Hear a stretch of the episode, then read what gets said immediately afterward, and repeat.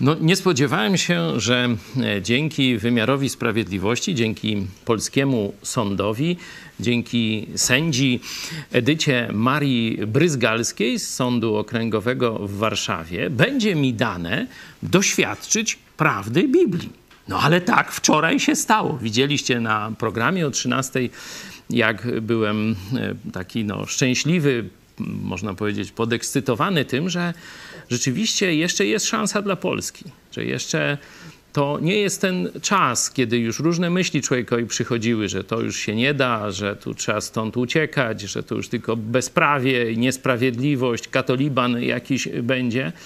E, ta sędzia dała mi jeszcze nadzieję, że Polskę da się wyrwać z łap tych, którzy chcą ją zniszczyć, ale dała mi też doświadczyć e, prawdy Biblii. Zobaczcie, otwórzcie sobie księgę przypowieści Salomona. Tam jest więcej na ten temat, jako że króciutka e, myśl dzisiaj rano to E, przeczytam wam tylko dwa fragmenty. 28 e, rozdział przypowieści Salomona, werset 12. Gdy sprawiedliwi triumfują, wtedy jest wielkie święto. Właśnie tu mamy imprezę, tak wam powiem.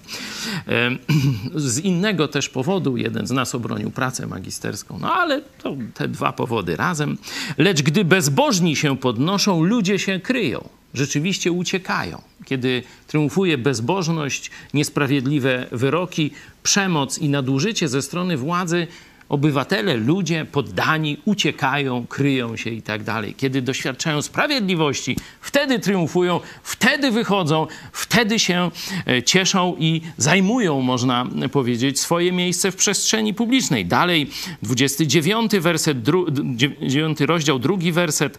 Gdy sprawiedliwi sprawują władzę, lud się cieszy, lecz gdy rządzą bezbożni, lud wzdycha.